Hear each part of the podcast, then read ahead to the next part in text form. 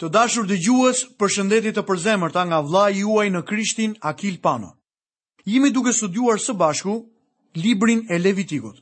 Jam kaq i gëzuar dhe mirënjohës Perëndisë për mundësinë që ai na jep që të studiojmë fjalën e tij të gjallë. Le të lutemi përpara se të fillojmë studimin e sotëm që Perëndia të vendosë fjalën e tij të gjallë në zemrat tona dhe të na japë frymën e diturisë dhe të zbulesës në njohjen e Krishtit. Perëndi unë lutem që ti të na udhëheqësh me frymën tënde të shenjtë. Lutem o Zot që ti ta marrësh lavdinë, ti ta marrësh gjithë adhurimin tonë edhe në këtë kohë studimi të fjalës tënde. O Zot, hapi sytë tanë shpirtërorë, që ndërsa lexojmë librin e Levitikut, një libër të mbushur plot me rregulla, flijime, sakrifica, të mund të shikojmë me sytë tonë të besimit, Krishtin kryepriftin tonë më të lartë, i cili vetëm nëpërmjet një sakrifice të vetme na pajtoi me Perëndinë Atin. Sot lutem o Zot që fryma jote të bekojë secilin prej nesh dhe të na japë një zbulesë të re të fjalës së Perëndisë. Në emrin e Jezusit unë lutem. Amen. Është kaq e rëndësishme që përpara se ne të fillojmë dhe të studiojmë fjalën e Perëndisë, T'i lutemi Perëndisë që ai të na e zbulojë atë fjalë të gjallë në zemrat tona. Sot do të studiojmë së bashku kapitullin e 23 të librit të Levitikut. Tema e këtij kapitulli është periudha e shenjtë e Sabatit, periudha e shenjtë e Pashkës, periudha e shenjtë e bukëve të ndorme, periudha e shenjtë e frutave të para, periudha e shenjtë e rrëshajave, festa e borive, dita e shlyerjes së mëkateve, festa e kasolleve. Ky kapitull shquhet si kapitulli i festivalit apo festave solemne të Zotit. Pushimet e shenjta ishin kohë gëzimi për të gjithë njerëzit. Në vetëm njërën prej tyre kishte qarje, në ditën e shlyerjes së mëkateve. Periudhat e tjera ishin kohë gëzimi dhe ngazëllimi. Perëndia kurrë nuk ka dashur një popull qaraman përpara tij. Ai kërkonte njerëz të ngazëllyer.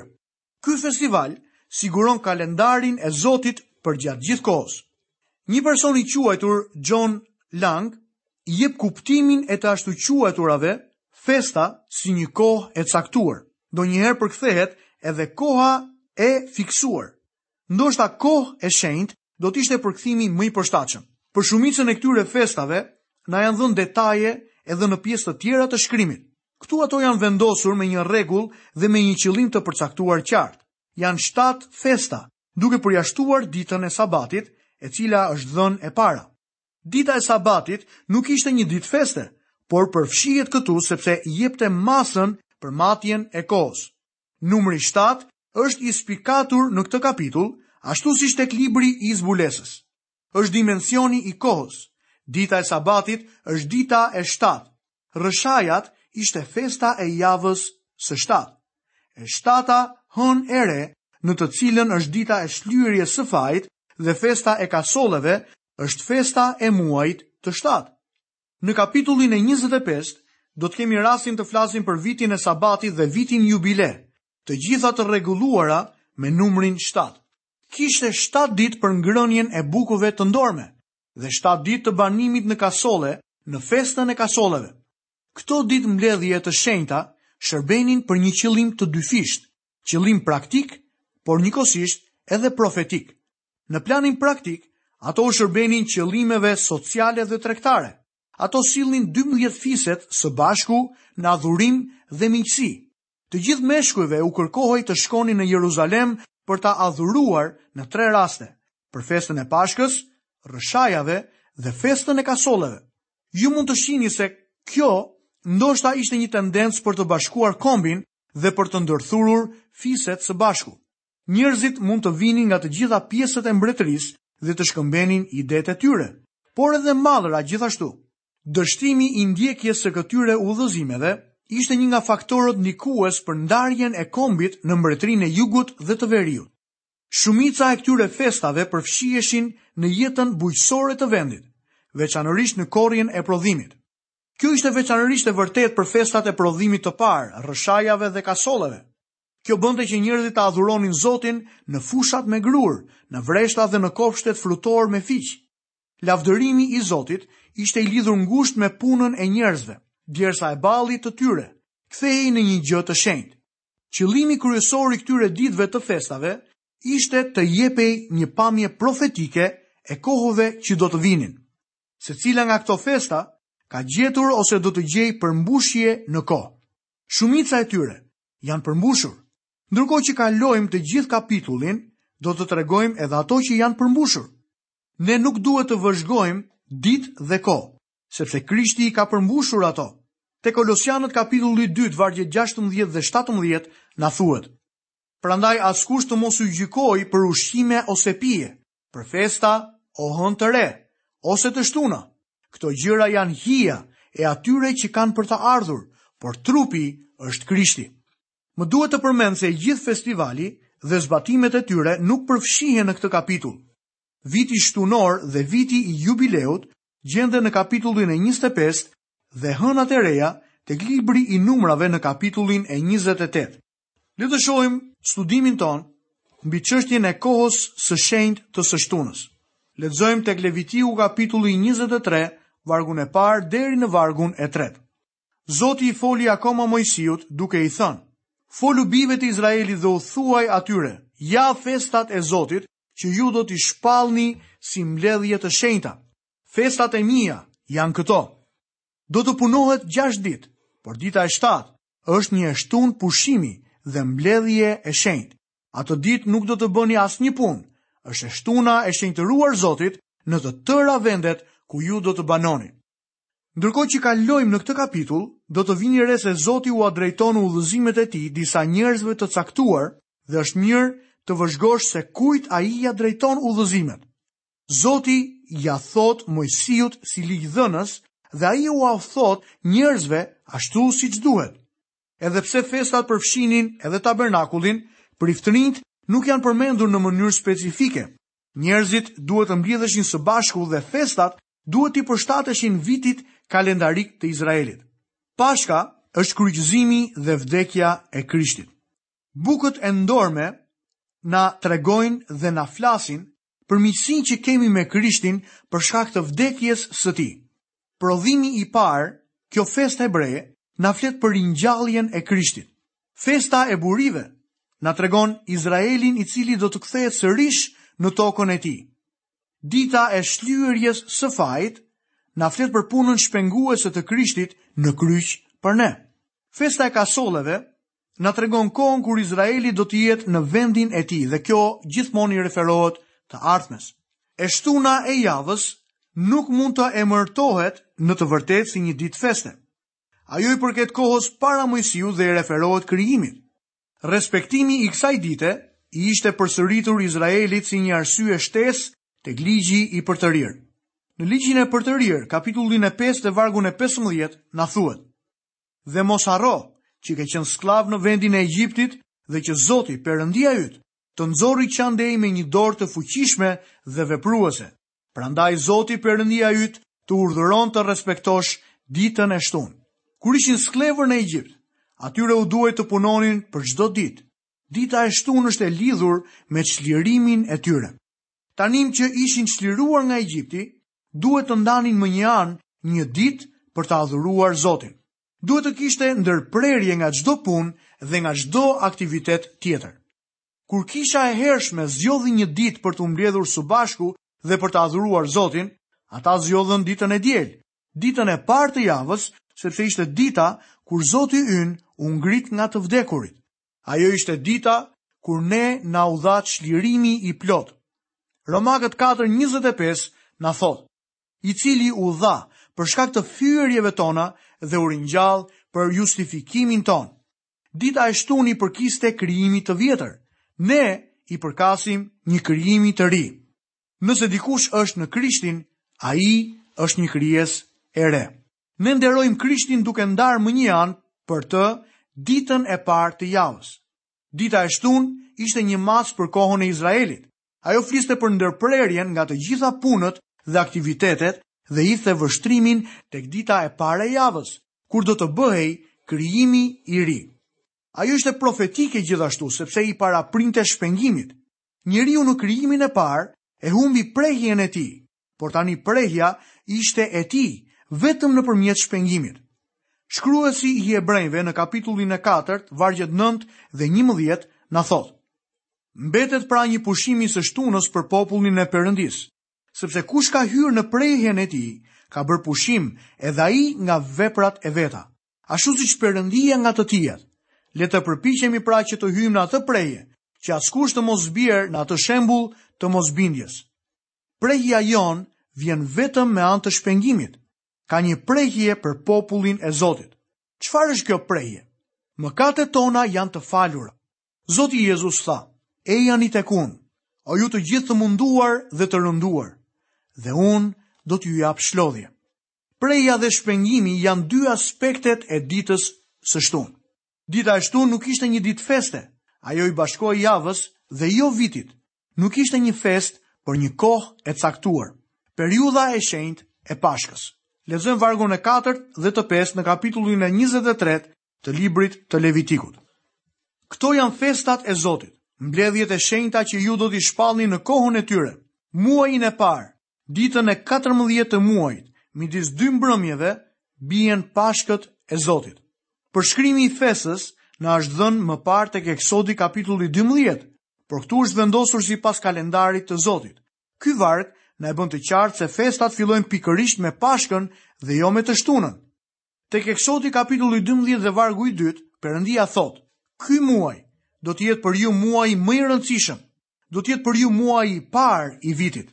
Kjo kohë e shenjtë përfaqësonte vdekjen sakrifikuese të Krishtit dhe vlerën e gjakut të tij. Në letrën e parë drejtuar Korintasve, kapitullin e 5 dhe vargun e 7, apostulli Pal shkruan: Hiqni pra majan e vjetër, që të jeni një brumë i ri, siç jeni pa maja, sepse Pashka jonë që është Krishti u flijua për ne.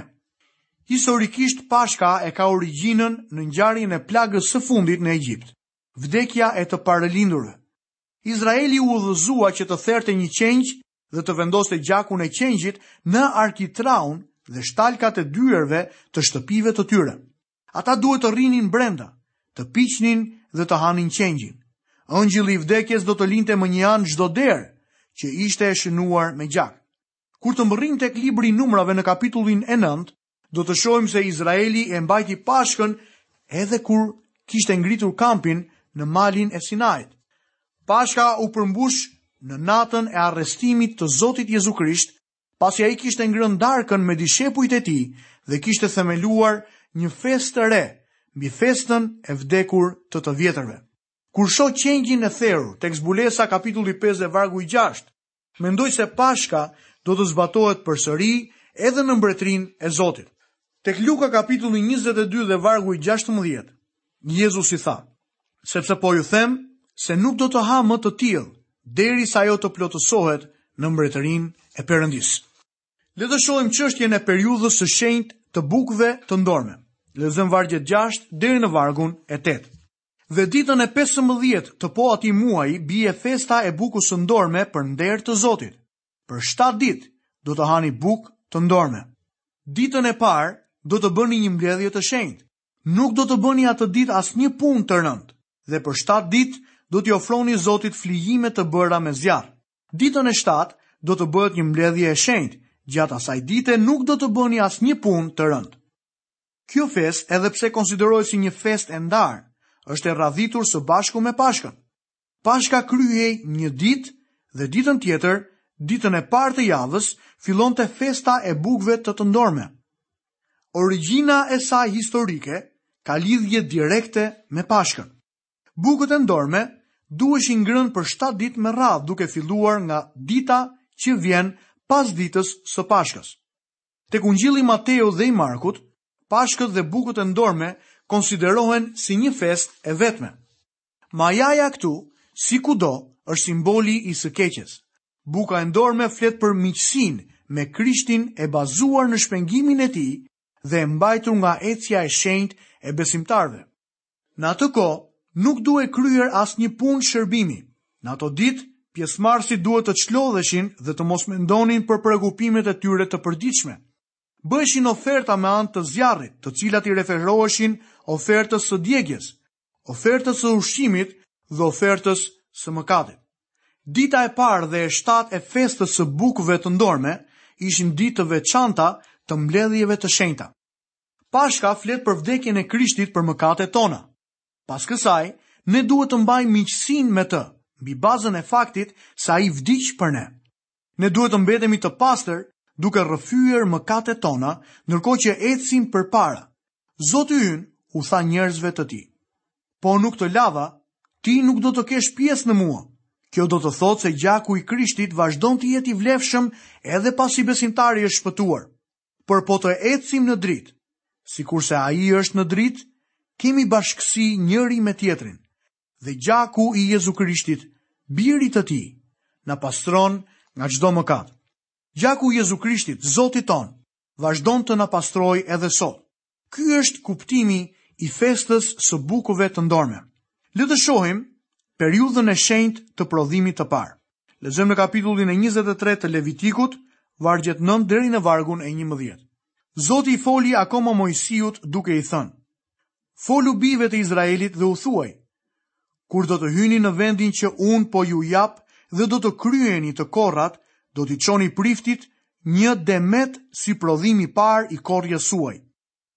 Ai do ta tundë demetin përpara Zotit për ju, me qëllim që të pëlqehet. Prifti do ta tundë një ditë pas së shtunës. Kjo festë filloi të zbatohej vetëm atëherë kur Izraeli doli nga shkretëtira dhe shkoi në Tokën e Premtuar. Kur mbollën drithin e tyre në vend, ata duhet të shikonin me kujdes për prodhimin e parë të elbit. Nëse do të shihnin një kërcell këtu e një më tej, ata duhet të prisnin secilin prej tyre do t'i vendosnin poshtë derisa të bënin duaj. Pastaj ato çoheshin në tabernakull dhe prifti ia ofronte Zotit. Dita e saktë se kur kjo bëhej nuk është e deklaruar. Ndoshta mund të ishte dita e parë e bukëve të ndorme ose dita e fundit e asaj feste. Çështje e rëndësishme për t'u shënuar ishte se ajo bëhej ditën e parë të javës. Kjo është e rëndësishme sepse Krishti quhet fruti i parë. Por tashti Krishti u ringjall prej së vdekurish dhe është fryti i parë i atyre që kanë fjetur. por secili sipas radhës së vet. Krishti fryti i parë, pastaj ata që janë të Krishtit në ardhjen e tij. Koha e ringjalljes së tij deklarohet qartë dhe tek Ungjilli i Mateut kapitulli njëzet e tetë dhe vargu i parë. Tani në fund të së shtunave, kur po zbardhte dita e parë e javës, Maria Magdalena dhe Maria tjetër shkuan për të parë varrin. Në ditën e parë të javës Krishti fryti i parë u ngrit nga të vdekurit. Një ditë edhe kisha do të përfshihet në ringjallje, por deri tani ai është i vetmi që është ringjallur me një trup të lavdishëm. Në rrëmbimin e kishës të gjithë ne do të ngrihemi. Do të ketë edhe njerëz që do të dalin nga varri, ashtu siç Krishti doli. Ai është fryti i parë, pas kësaj do të vijnë ata që janë të Krishtit në ardhjen e tij. Gjoni në ungjillin e tij kapitulli 12 dhe vargu 24 ka të dokumentuar këtë shkrim. Në të vërtetë, në të vërtetë, po ju them, nëse kokrra e grurit e rënë në dhe, nuk vdes, ajo mbetet e vetme, por po të vdes, jep shumë fryt. Ju mund ta shihni që oferta e fryteve të para tregon se do të ketë një të korë që do ta ndjekë. Besimtarët janë e korra. Lexojmë vargun e 14. Ditën gjatë së cilës do të tundni demetin, do t'i ofroni një qengj motak pa të meta si holokaust për Zotin. Blatimi i ushqimit që do ta shoqërojë do të jetë dy të dhjetat e efës majë mielli të përzier me vaj, si flijim i bërë me zjarr, me një erë të këndshme për Zotin. Libacioni do të jetë një çerek hini verë. Nuk do të hani as bukë, as grurë të pjekur, as kallëza të freskëta, deri në atë ditë, derisa të mos keni çuar ofertën e Perëndisë tuaj. Ky është një ligj i përjetshëm për të gjithë brezat tuaja, në të gjitha vendet ku do të banoni. Ofertat shoqëronin festimet e kësaj dite. Në këto festa nuk ofrohej asnjë ofertë për mëkatin, sepse kjo u përfshi në vdekjen e Krishtit, pikërisht aty u zgjidh çështja e mëkatit. Këto oferta ishin një aromë e këndshme, sepse ai bëri të jetë mëkat për ne, ai që nuk njihte mëkat, që ne të bëhemi drejtësia e Perëndisë në të, sepse unë jetoj dhe ju do të jetoni. Kjo që na paraqitet këtu është një e vërtetë e lavdishme. Të korrat e reja nuk mund të gëzoheshin për aq kohë sa kjo ofertë nuk ishte tundur përpara Zotit. Për besimtarin, vdekja dhe ringjallja e Krishtit sjell një marrëdhënie të re, plot bekime. Prandaj nëse dikush është në Krishtin, ai është një krijesë e re. Gjërat e vjetra kanë shkuar, ja, të gjitha gjërat u bënë të reja. Kjo nuk do të thotë se ndryshojnë vetëm disa zakone, por do të thotë se ne jemi nxjerrë nga Adami i vjetër dhe jemi bashkuar me Zotin Jezu Krisht. Tani ne kemi një qëllim të ri, një synim të ri, një punë të re dhe një jetë të re. Dhe e gjitha kjo do të ndikojë tek zakonet e vjetra. Ai i bën të gjitha gjërat e reja. Të dashur miq, këtu kemi mbërritur dhe në mbylljen e programit të sotëm. Lutja ime është që Perëndia ta çojë punën e tij të mrekullueshme deri në fund në jetën tënde. Nga vëllai juaj në Krishtin Akil Pano, bashkë mirudëgjofshim në emisionin e ardhshëm.